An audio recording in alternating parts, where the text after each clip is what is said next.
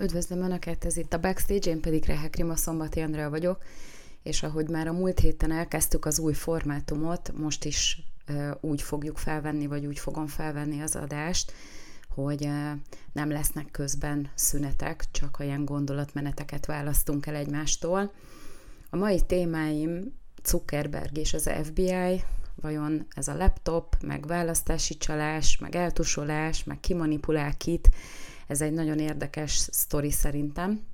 Aztán kellene beszélnünk bevándorlásról egy kicsit másképpen. Svédország szeptember elején választ, és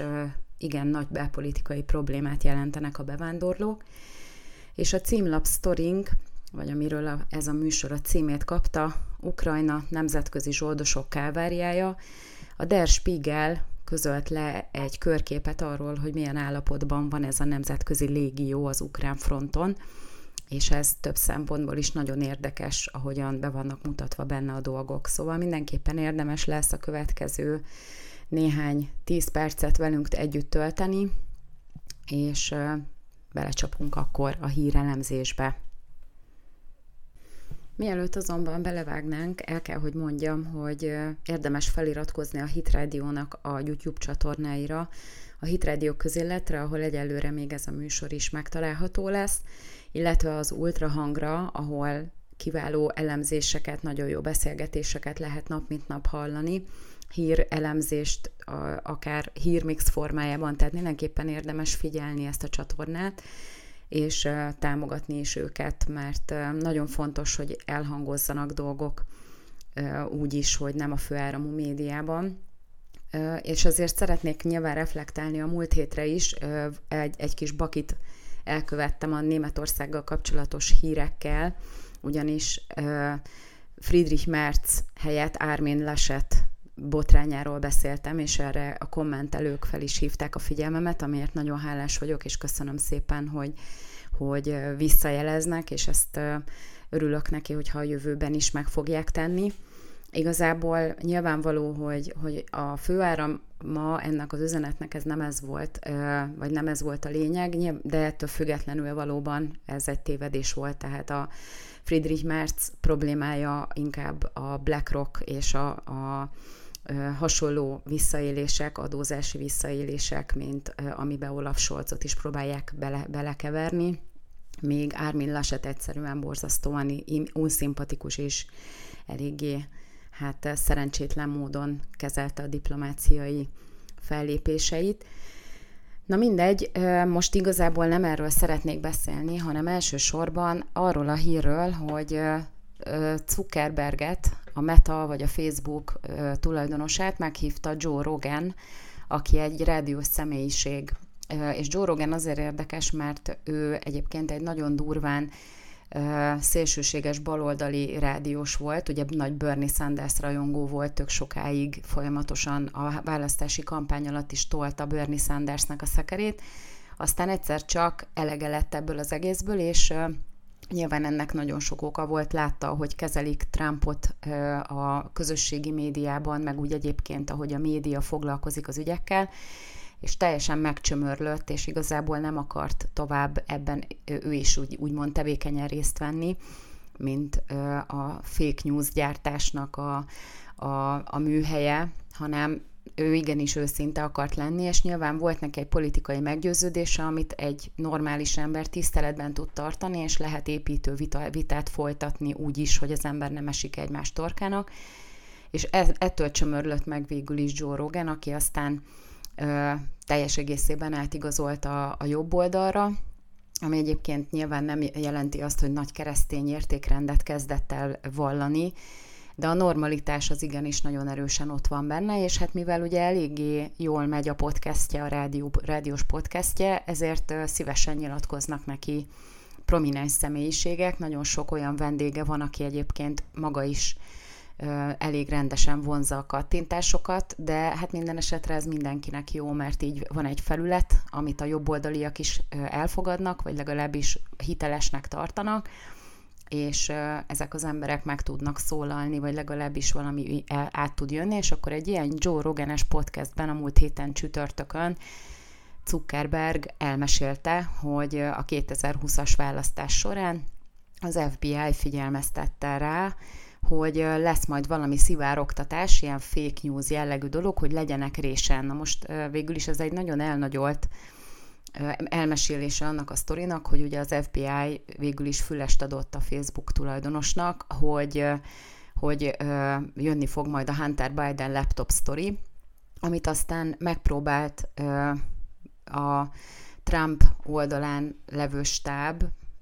úgy, úgy tálalni, vagy legalábbis megpróbálta a közösségi médiába úgy bevinni, hogy az egy kicsit választókat elfordítsa egy olyan irányba, ami akár eredményezhette volna, hogy Trumpot újra megválasztják. Rudy Giuliani állt ki, és igazából nem sikerült, tehát mindenki azonnal eltusolta, ugye a főáramú média az egyértelműen orosz propagandának minősítette, és ugye a Facebook, mint kiderült ebből, amit Zuckerberg elmondott, úgy alakította az algoritmust, hogy lehetett ugyan osztani ezt a hírt, de nagyon-nagyon korlátozottan jutott el a felhasználókhoz, magyarul szinte senki nem látta. A Twitter pedig ennél sokkal keményebb fellépést fogadott meg, vagy tett meg. Ők ugyanis teljesen letiltották, ott nem is lehetett egyáltalán megosztani ezt a hírt, azonnal leszették és hát meg is lett az eredménye, ugye kiderült, hogy ez nem is volt fake news, nem igaz, hogy hamis hír volt, teljesen egyértelmű volt, és nem lett aztán semmi belőle, hanem nem olyan régen, szépen apró betűsen helyreigazították magukat a főáramú médiában a, a nagy sajtóorgánumok, hogy jaj, hát bocsánat, rosszul tudtuk, hogy ez orosz propaganda, de most azért ezért bocsánatot kérünk, de ami engem a leginkább zavar, az az, hogy a mai napig nem történt ebben az ügyben semmi előrelépés. És akkor ugye most nyilván az FBI is válaszolt, hogy hát nekik kötelességük, hogy ha van egy ilyen, akkor tájékoztassák róla a magáncégeket,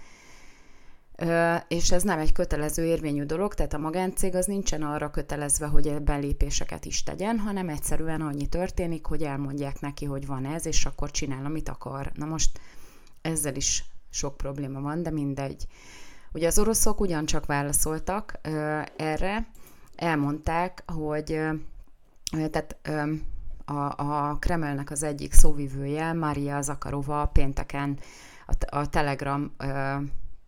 accountján, vagyis ö, igen, tehát ott a Telegram accountján közzétett egy nyilatkozatot, hogy ez is bizonyítja, hogy a, Fed, a Federal News Investigation, a Federal Bureau of Investigation, bocsánat, az FBI, tehát a Szövetségi Nyomozóiroda egyszerűen kontrollálja a közösségi médiát Amerikában, amiről egyébként nyilván ilyen erővel nem lehet azért beszélni, de ebben nagyon-nagyon sok igazság van, akkor is, hogyha azért ez ebben a formában így leírva nem igaz, és azért nyilván az oroszok is túloznak. Tehát nagyon úgy tűnik, hogy, hogy ugye az oroszok azért nagyon élénken részt vesznek mégiscsak az amerikai politikában, legalábbis azzal, hogy állandóan hárítanak, hogy igazából ők ebben tehát túlságosan nagy jelentőséget kapnak, annak ellenére, hogy igazából olyan sok mindent nem csinálnak, mert hogy az amerikai szövetségi nyomozóiroda, meg, meg, meg, meg, meg más kormányzati intézmények azok egyébként saját maguk is megoldják ezt, tehát nem kellenek az oroszok hozzá. És akkor ugye megy az adok-kapok, most az FBI védekezik, hogy hát ők szóltak, de igazából miről szóltak? Ott van egy laptop, amiről egyértelműen lehet látni, hogy teljesen eredeti, és ugye a kezükbe volt, tehát nem csak hírből hallották, hogy van egy ilyen laptop, hanem az a szerelő, ahol Hunter Biden ott felejtette ezt a laptopot, az bevitte, és megmutatta, és odaadta, hogy használják föl, mert hogy ez egyébként ultragáz, ami ezen a laptopon rajta van, és aztán természetesen a jobb oldalra is eljuttatta a tartalmát, tehát készített a merevlemezről egy másolatot, és teljesen hiteles és, és valóságos információt próbáltak a, a, nép elé tárni, és erre mit csinál az FBI? Azt mondja a Facebooknak, amiről lehet tudni, hogy igazából rendben van, hogy magáncég, de azért milliárdok használják, tehát óriási hatása van, hogyha valami megjelenik, hogy valami nem jelenik meg rajta, vagy nem jelenhet meg rajta, vagy mondjuk meg, megjelenik a kis kocka, ami például Trump ö, bejegyzéseinél ott volt a 2020-as választás után, hogy hogy ez, ez biztos, hogy hamis információ, meg, hogy, meg az, amikor a választási csalásról próbáltunk posztolni, mindenhol le voltunk tiltva, és az volt odaírva, hogy ezek nem igaz információk, és hogy ennek az ellenkezőjéről hiteles információk állnak rendelkezésre, tehát az egészből látszik, hogy ez, egy kiváló manipulációs felület, és akkor az FBI annak ellenére, hogy a kezében van egy valódi és egy, egy teljesen hiteles eszköz, amivel egyébként a mai napig nem csináltak semmit, ami ugyancsak borzasztóan felháborító, elmondja ennek a, a felületnek, a média felületnek, vagy, vagy annak a tulajdonosának, hogy ez fake news, és majd úgy fog megjelenni, majd szivárogtatni fognak, de ez fake news. Tehát ez is önmagában teljesen terhelő bizonyíték az FBI ellen. Hogy, hogy ők azt állították egy teljesen hiteles dologról a választási manipuláció ö, érdekében, mert hát más értelme ennek nem volt az eltusolásnak, csak az, hogy, hogy úgy jelenjen meg mindenhol, hogy ez egy hülyeség, ez nem igaz. És most ezzel védekeznek, hogy ők, ők igazából semmit nem mondtak, hogy mit kell vele csinálni. De hát könyörgöm. Egy ilyennél választások előtt úgy, hogy az előző választásoknál, amikor Trump győzött, akkor mindenki megpróbálta bebizonyítani, hogy a Facebook az olyan sérülékeny, hogy az oroszok, ha akarják, pillanatok alatt feltörik, és telerakják propagandával, a sok birka amerikai, most ezt megint csak egy ilyen pejoratív módon értem, hogy birka, szóval aki ezen rendszeresen felháborodik, az ne háborodjon fel, mert ez itt egy kicsit most szarkasztikus ö, megjegyzés, mert ugyanis azért az amerikaiak sem annyira birkák, hogy csak a közösségi média az totálisan ö, egyik pillanatról a másikra megváltoztatja a véleményüket, vagy hát reméljük, hogy nem, de minden esetre tegyük fel, hogy nem. Tehát még akkor is, hogyha tele van orosz trollal a Facebook, akkor is az egész dolog igazából abszurd, hogy az oroszok manipulálták meg úgy a választást, hogy ez a sok szegény amerikai, ez mind bekajálta ezeket a híreket, és onnantól kezdve ők inkább Trumpra szavaztak,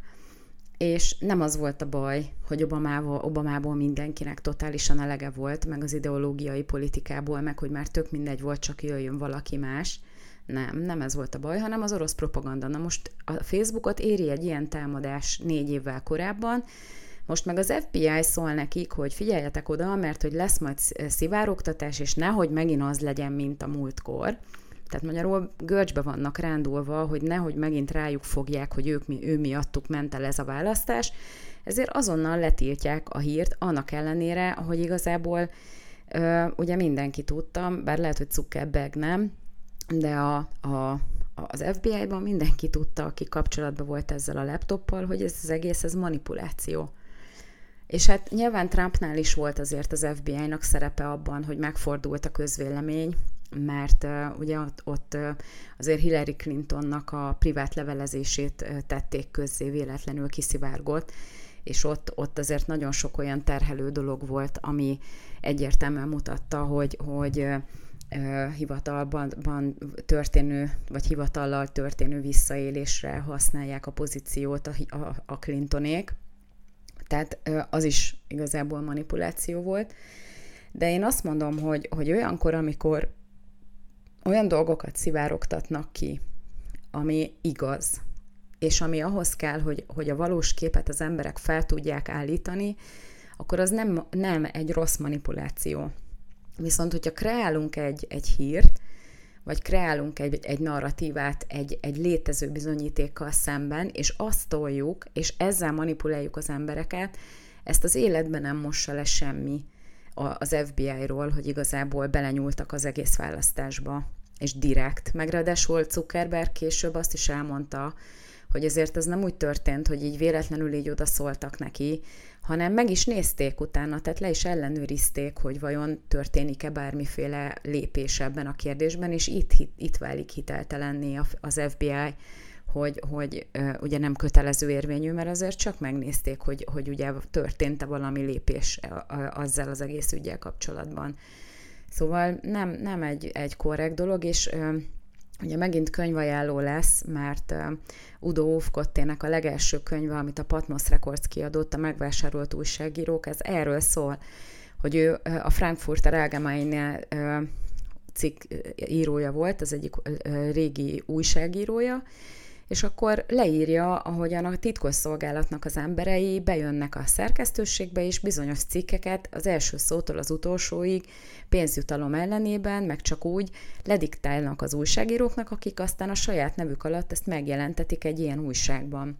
Na most nyilván az FBI az nem, nem a titkosszolgálat, bár azért nagyon sok helyen összefonódik a munkájuk a, a CIA-jal, meg, meg az NSZ-vel is, meg minden, tehát van mindenkinek olyan funkciója, ami kvázi titkosszolgálatot is lefed, és akkor, ha innen nézzük, akkor ezek az állami szolgálatok, ezek, ezek ugye beavatkoznak a politikai életben. Most naivitás lenne azt feltételezni, hogy ez nem történik meg, de azért az, hogy most sem tesznek lépést Hunter Bidennel szemben, holott konkrét ö, olyan információk vannak azon a laptopon, amik mutatják a kínai kapcsolatait,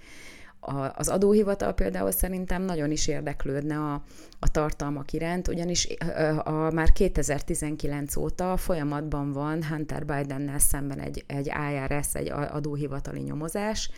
ahol igenis kemény terhelő bizonyítékok vannak ellene, de addig, amíg az apja az Amerikai Egyesült Államok elnöke, addig valószínű valamennyi ráhatása azért van erre a dologra, és hát látszik, hogy ott is elég kemény terhelő bizonyítékok vannak, és valahogy mégse történik semmi. És ez a szomorú, hogy igazából Trump ellen egy nem létező dologgal kapcsolatban impeachmentet kezdeményeztek volna, holott nem is csinált semmit. Most ugye az FBI, ugyanez az FBI ö, behatolt a házába egy házkutatási parancsal, aminek a, ugye a kiváltó, kiváltó dokumentumát, amiből a bíró aztán kiadta a házkutatási parancsot, nem lehet rendesen elolvasni, mert ugyan közzé van téve, de ki vannak szedve belőle az érdekes részek, csupa fekete csík az egész, és akkor bementek Trumpnak a, a Mar-a-Lagói házába, és ö, feldúlták az egészet, és belenyúltak minden fiókba. És akkor ugye azzal vádolják, hogy nukleáris kódokat akar eladni Oroszországnak. Ö, tehát ezt trump még most is meg lehet csinálni, de Hunter biden szemben nem történik semmi, holott ö, egy egész ö, tárhelynyi, hatalmas, több gigabájtnyi terhelő adat áll rendelkezésre az üzelmeivel kapcsolatban. Szóval ez az igazi kettős mérce, és ez igen-igen sajnálatos. És ha már Udo Ufkotténél tartunk, akkor mindenképpen el kell mondanom azt is, hogy ugye a bevándorlással kapcsolatos aggájainknak is egy nagy részét igazolták a könyvei, tehát azzal kapcsolatban, amit a magyar kormány általában felhoz, mint, mint kifogást, vagy nem kifogást, hanem érvet az ellen, hogy miért nem szeretnénk például az Európai Uniós bevándorló kvótát, ez nagy mértékben alá van támasztva Ufkotténak a könyveiben. És ugye er, ezzel a bevándorló kérdéssel kapcsolatban hoztam most egy hírt, ugye Svédországban szeptember 11-én parlament és önkormányzati választás lesz, és ugye a férjemmel szoktuk böngészgetni a híreket ilyenkor a műsor előtt, meg hát nyilván egész héten, hogy van-e olyan, amiről érdemes egy kicsit többet beszélni önöknek. És van egy blog, Kovács Andrásnak a blogja, aki a vidékhangjai.hu portálon is publikál, és igazából tehát alapvetően egy, egy kiváló elemzést tett ki ezzel az egész svéd helyzettel kapcsolatban. Ugye mind arról, hogy, hogy hogyan fognak megerősödni a különböző szélsőségesebbnek mondott jobboldali politikai pártok, akik egyértelműen bevándorlás ellenesek, vagy, vagy szigorúbb fellépést követelnek a bevándorlókkal kapcsolatosan, akik egyébként nagyban szimpatizálnak is a, a mi Orbán kormányunkkal, és hogy hogyan lesz egyre nagyobb probléma a bűnözés például. És ugye arról beszél, amit aztán nyilván nagyon sok külföldi médium is, tehát például a Tagesspiegel rendre megír, hogy a hogy a Svédország egyébként nem olyan régen, egy-két évtizeddel ezelőtt egy nagyon-nagyon szuper hely volt, tehát ahol, ahol nagyon jó, jó volt élni, biztonságos volt, prosperált, és itt tovább. És akkor elkezdték beengedni a menekülteket, egyre több lett a bevándorló, mert ugye vannak ezek a jó kis szociális államok, a német például, az is egy, egy ilyen úgynevezett szoci, szociális állam,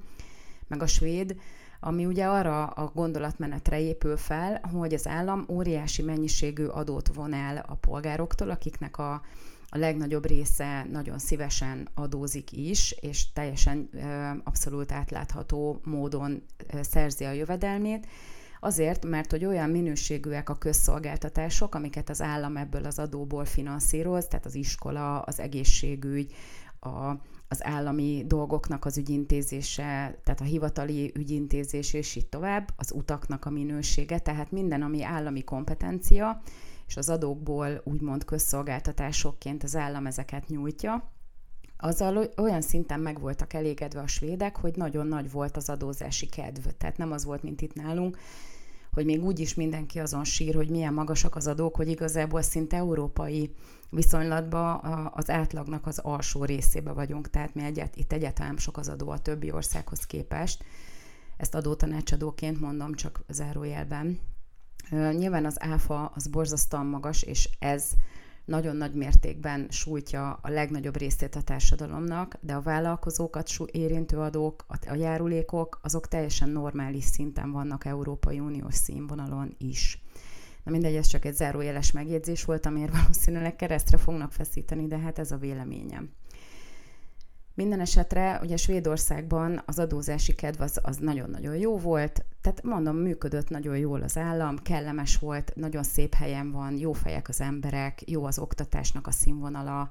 tehát ez egy ideális dolog volt, természetes, hogy, hogy nagyon kívánatos lett olyan embereknek, akik nem olyan országban élnek, ahol ez megvan.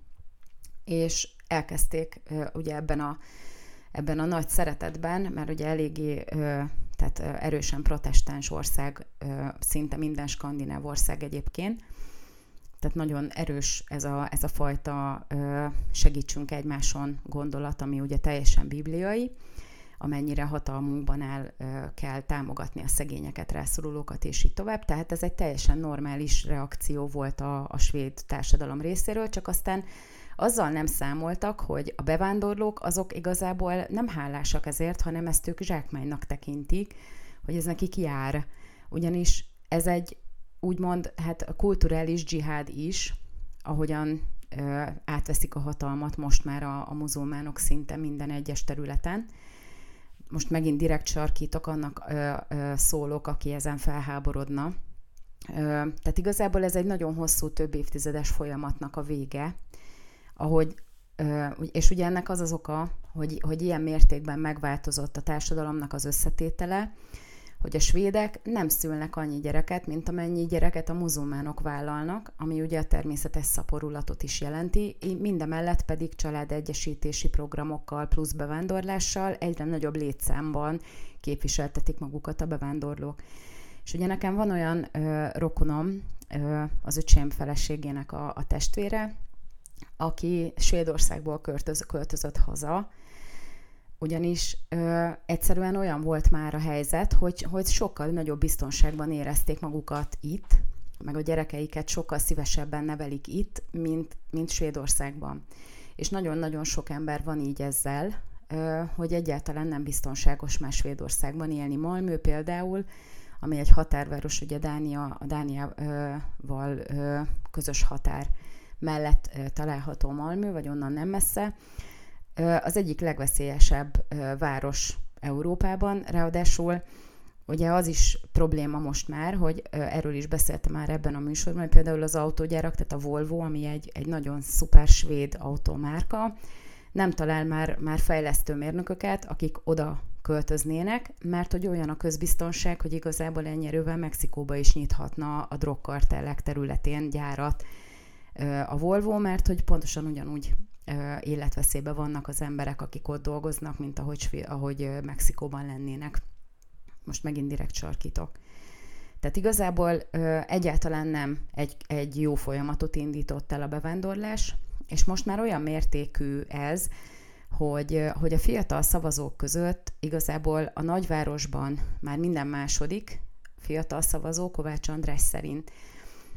muzulmán, a, az országos átlag pedig 4,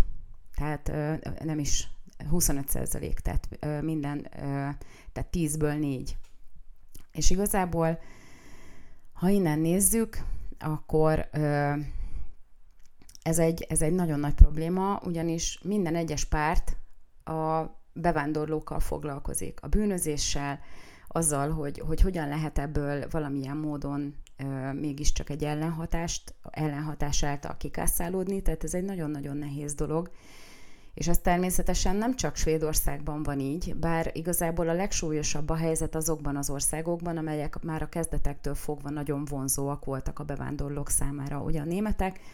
a 70-es években elkezdték a török vendégmunkásokat behozni, ugye olyan munkákra, amiket a németek nem szerettek volna elvégezni, és akkor ott igazából ők megalapozták annak az alapjait, hogy nem tudják majd integrálni a törököket, mert nem is akarták az elején, azt akarták, hogy dolgozzanak, aztán menjenek haza.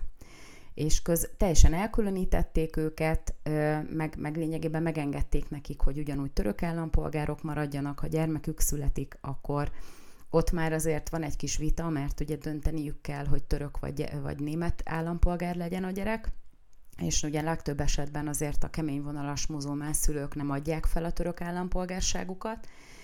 Tehát van egy párhuzamos társadalom a németek mellett is,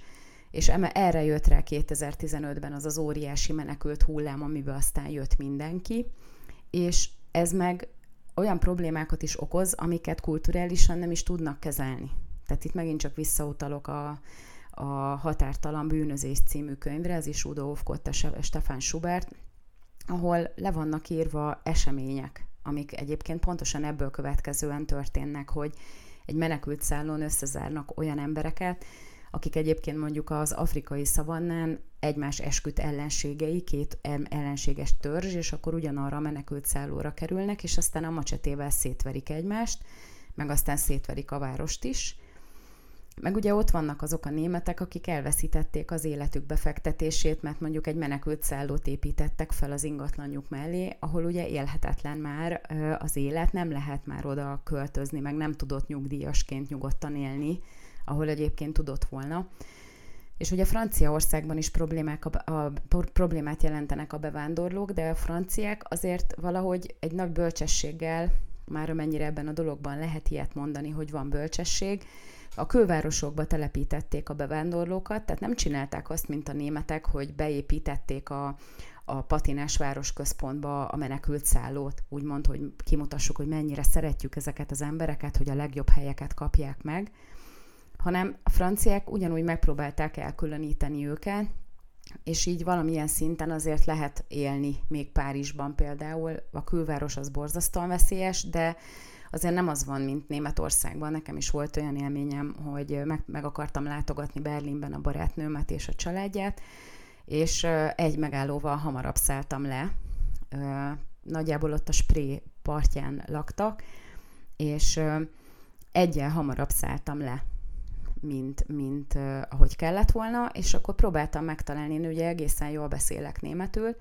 de azon a helyen, ahol le, feljöttem a metróból, senki sem nagyon tudott németül, csak ilyen nagyon törten, és ráadásul láttam, hogy nincs is nagyon európai ember, hanem szinte csak bevándorló. És akkor kicsit úgymond nagyobb sebességre kapcsolva próbáltam visszajutni a metróba, ami ugye sikerült is, aztán hála Istennek végül nem történt semmi baj, de azért meglehetősen ijesztő volt.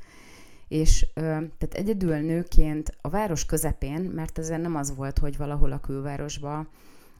igyekeztem, egyszerűen olyan helyzet volt fényes nappal, hogy, hogy igen, igen, igyekeztem kikervel kikeveredni belőle. És persze én is eltúlzom, mert ahhoz vagyok szokva, hogy itt nálunk a gyereket el lehet engedni egyedül biciklivel az iskolába, mert nem történik semmi probléma vele. Arra kell figyelmeztetni, hogy minden lámpánál álljon meg, és nézzen szét, és vegye ki a füléből a fülhallgatót, sőt nem is engedjük, hogy úgy biciklizzen. Tehát ilyen, ilyen problémáink vannak maximum, ebben az országban, és itt vidéken meg még inkább. Tehát magyarul el se tudjuk képzelni, hogy milyen az, amikor az ember nem engedheti el a gyerekét egyedül, hanem, hanem szinte ilyen páncélozott autókat kell, hogy vásároljon, hogy ne tudják uh, még be se törni az üveget, esetleg, ha bekeveredik valami olyan helyre. Tehát egyáltalán nem jó nyugaton élni, azt kell, hogy mondjam, Magyarországhoz képest. És ugye ismerőseim vannak olyanok is, németek például, nem is egy, akik nem dolgozom ezekkel az emberekkel együtt, hanem informálisan ismerem őket,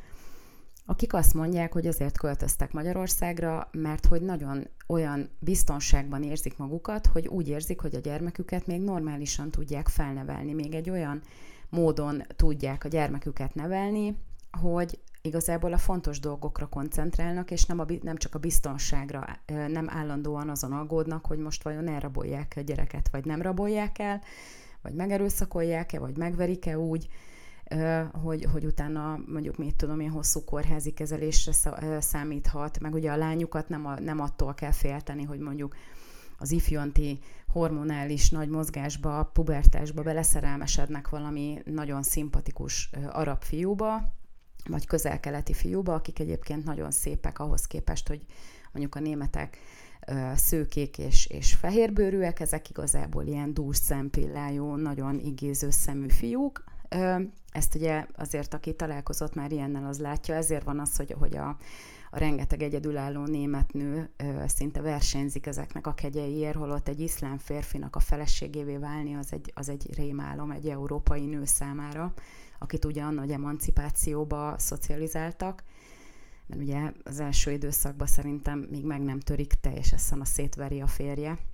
de ez egy másik lapra tartozik, tehát hogyha mondjuk a lányuk beleszerelmesedik egy ilyen ártalmatlannak tűnő bevándorló fiúba,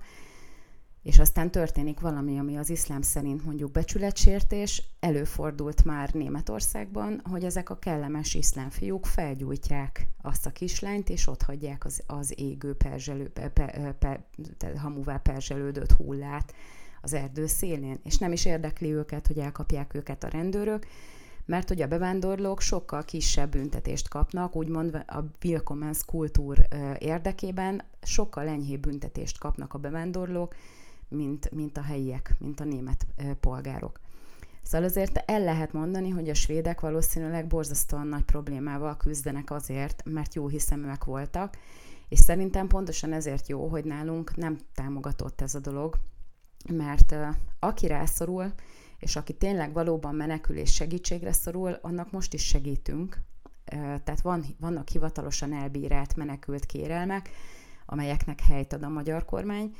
de ez a módja annak, hogy valaki ide menekültként bejöjjön, nem pedig az, hogy úgy dönt a német kormány, hogy hozzunk be még másfél milliót, és mi már nem tudjuk finanszírozni, akkor vigyük oda a magyaroknak, akik eddig úgymond nem vállaltak ilyenbe semmit. Hát köszönjük szépen, nem kérjük. És ezt igazából ennek örülhetnek a németek, hogy emiatt ugye áll az egész, tehát hogy nem tudnak olyan mennyiségbe jönni, mert szerintem, ha megkérdeznék a német polgárokat, a legnagyobb része ott is azt mondja, főleg akinek van élménye, hogy inkább ne. Köszönjük szépen! Ja igen, mielőtt tovább mennénk, ugye azt mondtam, hogy 10-ből 4, ami 25 százalék, na most 10-ből 4 az 40 százalék. Igazából ugye itt megint kijavítom, mert lehet, hogy valaki, hogyha ezt meghallja, akkor az üzenet többi részére onnantól nem tud koncentrálni csak arra, hogy 10-ben a 4 az 40 százalékot jelent, és nem 20 hanem 25-öt, szóval itt most korrigálom magam, és elnézést kérek a bakiért, de minden esetre az a lényeg ebben, hogy hihetetlenül nagy létszámban képviseltetik magukat a, a bevándorlók az új szavazók között, és ez egy olyan problémát generál a svéd politikában, hogy igazából nehéz egyáltalán már, már a, fontos dolgokról beszélni, hanem, hanem tényleg azok a dolgok határozzák meg a belpolitikát, ami a, a bevándorlók ügye, és hát ők azért ezt most zárójában jegyzem meg, már politikai pártokat is alapítanak, tehát egy idő után már nem csak az lesz, hogy a baloldal fog nyerni, mert hogy ő adja a pénzt, vagy ők támogatják jobban a szociális államot, hanem a saját pártjaikra fognak szavazni, és hát lehet, hogy most már mondják is uh, igazából az, a mecsetekben, hogy 10-15 év, és utána átveszik az uralmat. Na most ezt minden szinten el kellene kerülni. És hát ugye a végére hagytam azt, hogy beszélek a Der Spiegel nemzetközi légiós riportjáról, ami ugye Ukrajnában készült. Tehát azért kaptam fel a e, fejemet ezen, én ugye beszéltem már ebben a műsorban arról, hogy a nemzetközi légió az rendre panaszkodik a fejetlenség miatt, arra is panaszkodik, hogy nincsen elég erőforrás, nem kapnak üzemanyagot, a saját felszerelésüket használják, a saját fegyverüket, nem jól vannak szervezve, olyan helyekre küldik őket, ahol nem tudnak mit csinálni, vagy nem küldik őket sehova, és így tovább, tehát hogy van egy ilyen óriási fejetlenség. És ugye erről tanúskodik a Der Spiegelnek a, a riportja is, hogy beküldik őket olyan helyekre, amit az oroszok már felfedeztek, és ugye amikor az oroszok elvágták őket a, a többi ukrán egységtől, akkor ugye nem akarták őket kiszabadítani, tehát szinte több ember élete árán sikerült kiszabadulniuk ebből a, a szorult helyzetből, és akkor azt látták, hogy a következő ilyen kiküldési parancsban ugyanoda küldenek be egy másik egységet, és ugye hiába próbálták ö, valamilyen módon jelezni a, a társaiknak, hogy oda ne menjenek be, mert hogy az oroszok tudnak róla, és valószínű, hogy meg fogják ölni őket. Ö, mégiscsak bementek oda ugye parancsot teljesítve, és meg is halt négy ember ebben a, ebben a, a tök fölösleges küzdelemben. Tehát ugye itt egyértelműen látszik, hogy, hogy nagyon durván ki van akadva a nemzetközi légió, és ugye egy ilyen több száz oldalas dokumentumot vagy összeállítottak arról, hogy mik is történnek, és akkor megpróbálták eljuttatni Zelenszkihez, megpróbálták, és ugye mivel nem történt semmi, hanem továbbra is maradtak ugyanezek az áldatlan állapotok, ezért fordultak a médiához. És ugye megint csak egy kicsit arról kellene beszélnünk nekünk, hogy a Der Spiegel az lehoz egy ilyen hírt. Tehát ugye, amikor kirobbant ez az egész konfliktus februárban, egyöntetően mindenki el, elítélte Oroszországot, mindenki azonnal hangosan kiabálva az ukránok mellé állt, az egész közösségi média arról, uh, arról volt hangos, vagy a, a, a, attól zengett, hogy, hogy uh, Zelenszkit piedesztára kell emelni, a szabadság harcosa, a, szabad, a mi szabadságunknak a védelmezője az orosz agresszivitással szemben, szankcionáljuk agyon Putyint, meg az oroszokat, vegyük el a magántulajdonukat, tiltsuk ki Csajkovszkit a hangversenyekről, ne ö, versenyezhessenek az orosz atléták, teljes démonizálás indult meg minden fronton, és természetesen elítéljük a háborút, és ez egy borzasztóan rossz lépés, meg mindenki számára káros, de ettől függetlenül azt is mellé kell tenni az, ennek a narratívának, hogy az ukránok nem próbálnak mi, semmilyen módon békét kötni. Na most a, köz, a média, a közösségi média, a nyugati baloldali média, az úgynevezett főára, ami ugye a, a nagy patinás újságokat jelenti, akik egyébként korábban teljesen korrekt oknyomozó riportokkal szereztek maguknak egy nagy nevet, amit egyébként ilyen névtelen online újságírók most úgy bitorolnak, hogy, hogy olyan narratívákat helyeznek el, ami egyébként vérlázító, és azt a patinát, azt a nagy nevet, amit egyébként becsületes és, és igazából profi újságírók hatalmas energiával, nagyon sok vérrel, verejtékkel megszereztek, azt most ezek a senkik, ezek teljesen lerombolják, mert az emberek már nem fizetnek elő, ami ugye nyilván azzal is együtt jár, hogy nem olvasnak már nyomtatott újságot, de az online is igazából ö, ezeknél egyre kevésbé népszerű, tehát ugye nagyon sok olyan tartalom van, ami, ami elérhető fizetés nélkül is, mert, mert egyszerűen nem érdekli az embereket, nem hajlandóak még azt a két-három eurót se kifizetni sokan. Mindegy, ez zárójel. Tehát ugye van, ez a, van egy Der Spiegel, ami egyébként bevallottan teljesen baloldali, enyhén antiszemita, ami Izrael kapcsolatban megjelenik rajta, az egy, az egy Izrael barát, vagy, vagy mondjuk a zsidó államot támogató gondolatmenetű ember számára sokszor igen-igen túlzás negatív értelemben. Tehát én például az Izraelről szóló híreket nem is olvasom a Spiegelen, mert teljesen fölösleges, tehát úgy van beállítva,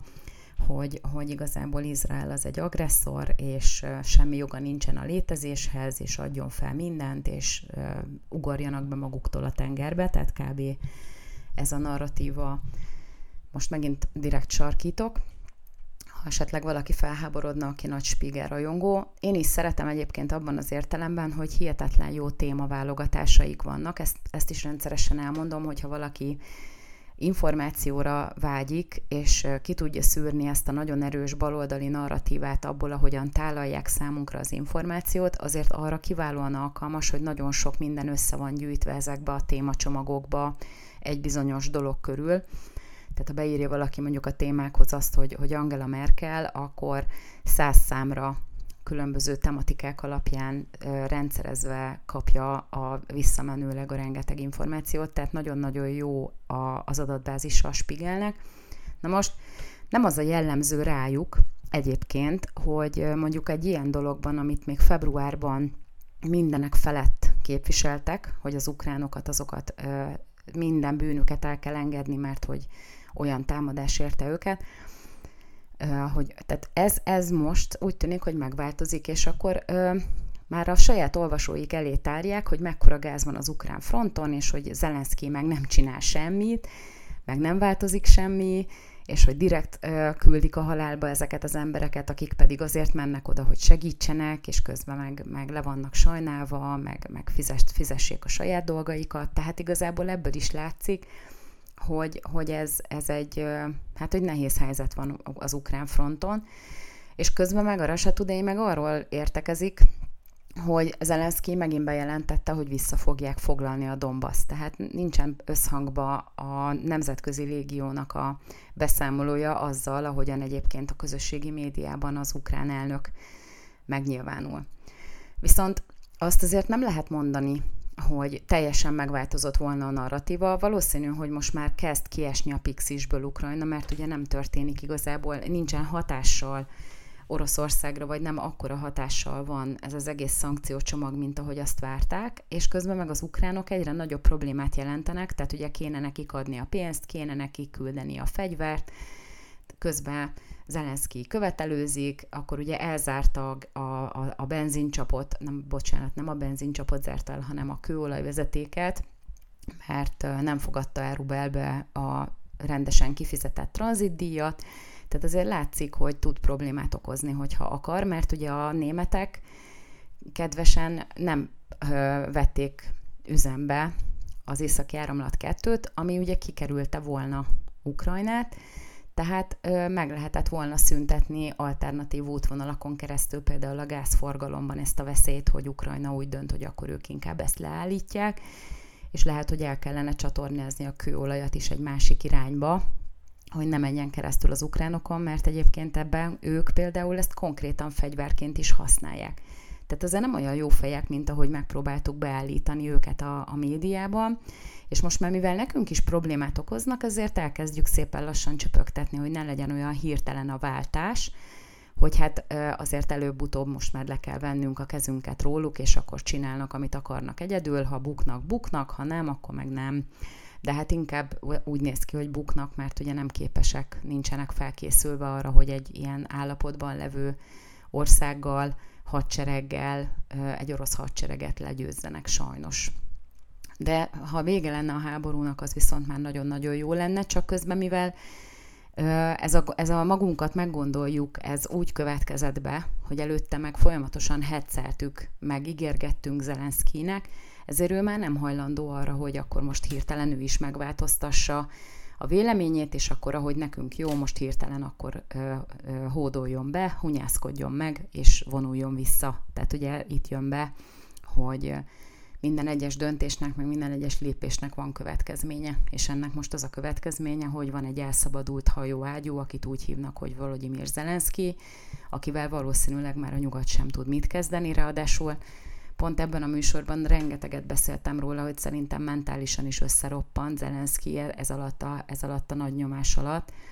és igazából most már logikusan sem lehet vele szót érteni, tehát ezt így kb. maguknak főzték a nyugati hatalmak. Amerika meg kijelentette, hogy köszi szépen oldjátok meg, minket nem érdekel, mi megyünk inkább Tájvan felé.